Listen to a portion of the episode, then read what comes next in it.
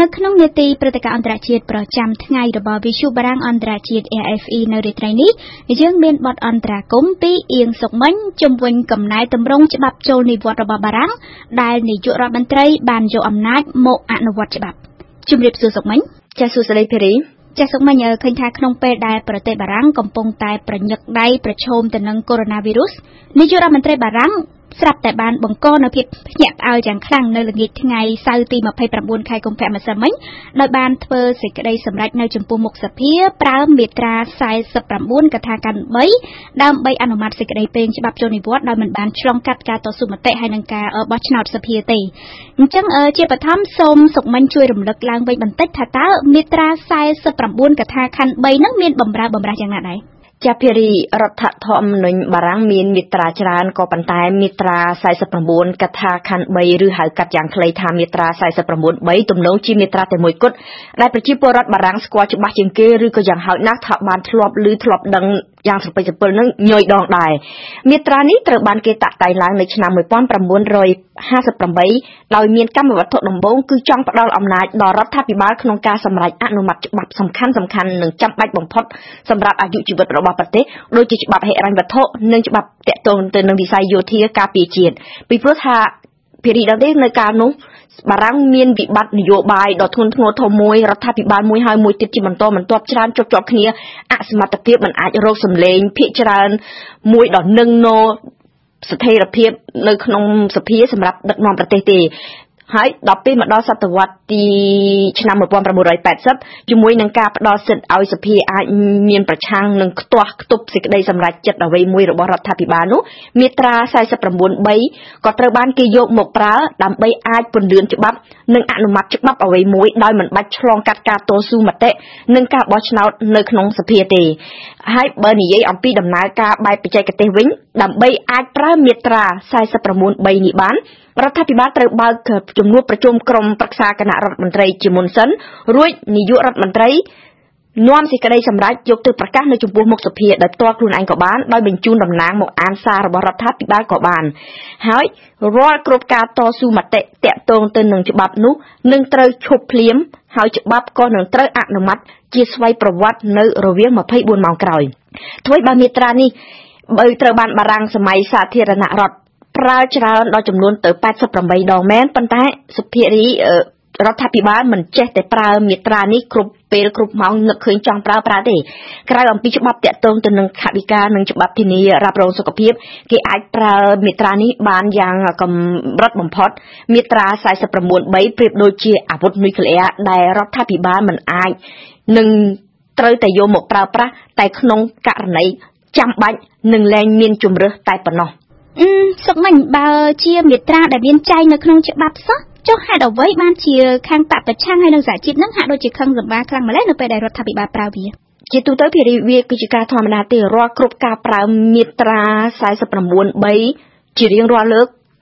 គណៈបកប្រឆាំងនិងសហជីពតែងតែប្រឆាំងនឹងបរិហាជានិច្ចពីព្រោះមាត្រានេះក៏វាជាប់ឈ្មោះថាមានតម្លៃផ្ទុយនឹងលទ្ធិប្រជាធិបតេយ្យដែរពីព្រោះ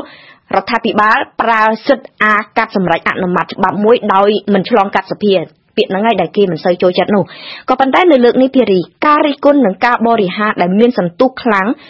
មកពីរបៀបនិងកលៈទេសៈនៃការប្រើប្រាស់ជ្រើសរើសប្រ កាសច្បាប់មេត្រានេះច្រើនជាងដោយពីរីដឹងស្រាប់តាំងពីដើមខែធ្នូឆ្នាំ2019មកពលរដ្ឋបារាំង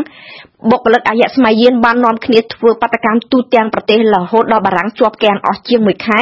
គឺដើម្បីប្រឆាំងនឹងសេចក្តីព្រាងច្បាប់ធ្វើកំណែតម្រង់ចូលនិវត្តន៍ដល់ចម្រងចម្រាស់នេះឯងហើយតាំងតែពីប្រមាណថ្ងៃមកហើយនៅក្នុងសភាបានបើកការតស៊ូមតិ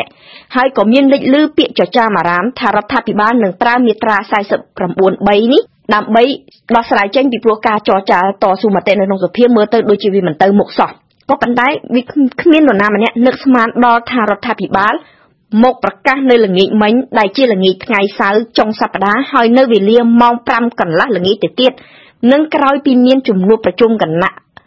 ប្រឹក្សាគណៈរដ្ឋមន្ត្រីដែលផ្ដោតជាពិសេសទៅលើវិបត្តិកូវីដ -19 គឺមិនមែនផ្ដោតទៅលើបញ្ហា ច្បាប់ចូលនិវត្តន៍នេះឡើយហើយដូច្នេះហើយបានជាបកប្រឆាំងនិងសហជីពយល់ថារដ្ឋាភិបាលមិនស្មោះត្រង់ជំនះធ្វើអ្វីតាមតែចិត្តនិងគឺជារដ្ឋាភិបាលដែលឆ្លៀតឱកាសឆ្លៀតយកពេលដែលប្រទេសកំពុងខ្វល់នឹងការប្រយុទ្ធប្រឆាំងនឹងកូវីដ -19 ដើម្បីអនុម័តច្បាប់ដែលប្រជាពលរដ្ឋមិនចង់បាន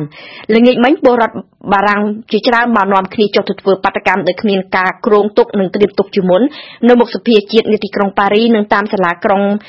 សាលាស្រុកតាមក្រុងផ្សេងៗទៀតជាច្រើនដើម្បី ទោះបីជាអាជ្ញាធរសុខាភិបាលទើបតែបានប្រកាសណែនាំឲ្យពលរដ្ឋជៀសវាងការប្រមូលផ្ដុំគ្នាដើម្បីទប់ស្កាត់ការចម្លងមេរោគ COVID-19 យ៉ាងណាក៏ដោយចុះតើគេអាចមានមធ្យោបាយអ្វីប្រឆាំងទៅនឹងវិធានការរបស់រដ្ឋាភិបាលនេះបានដែរឬទេសុំមិញតាមច្បាប់មានភារីតែដល់ជាក់ស្ដែងប្រហែលជាទៅមិនរួចទេ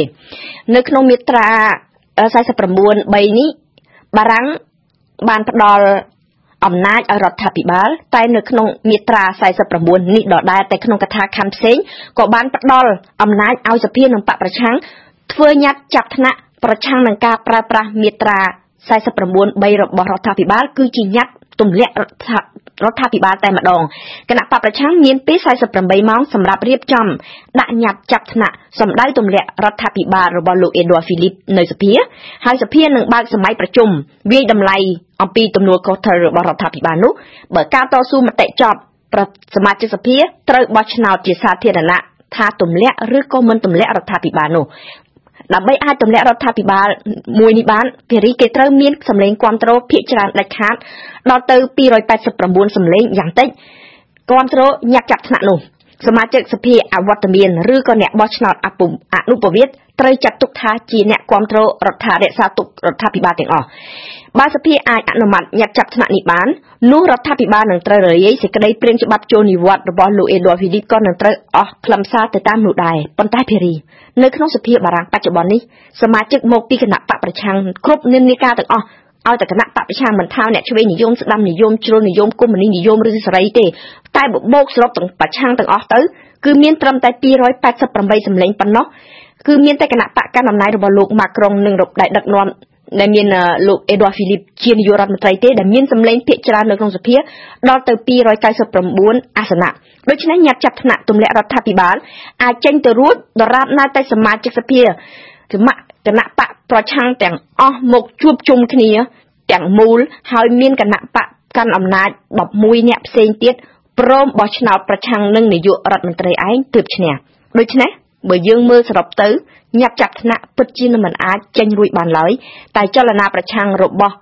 បកប្រឆាំងនៅតែបន្តនៅប្រសិទ្ធភាពទៀតសេចក្តីព្រាងច្បាប់ចុះនិវត្តន៍នេះត្រូវបានអនុម័តជាស្វ័យប្រវត្តិមែនតែច្បាប់នេះនឹងត្រូវបញ្ជូនទៅប្រសិទ្ធភាពនៅខែមេសារួចក៏ត្រឡប់មកសភាជាថ្មីទៀតដើម្បីសម្រេចអនុម័តជាចុងក្រោយបកប្រឆាំងប្រមានថាបកកណ្ដាលអំណាចនឹងទទួលផលវិបាកពីទង្វើរបស់ខ្លួននៅថ្ងៃនេះតាមរយៈការបោះឆ្នោតរបស់ក្រុមប្រឹក្សាគុំសង្កាត់ដែលនឹងប្រព្រឹត្តទៅនៅសប្តាហ៍ក្រោយសភាភារីសូមអរគុណអៀងសុកមិញសម្រាប់បទអន្តរាគមក្នុងនេតិព្រឹត្តិការណ៍អន្តរជាតិប្រចាំថ្ងៃនៅរាត្រីនេះ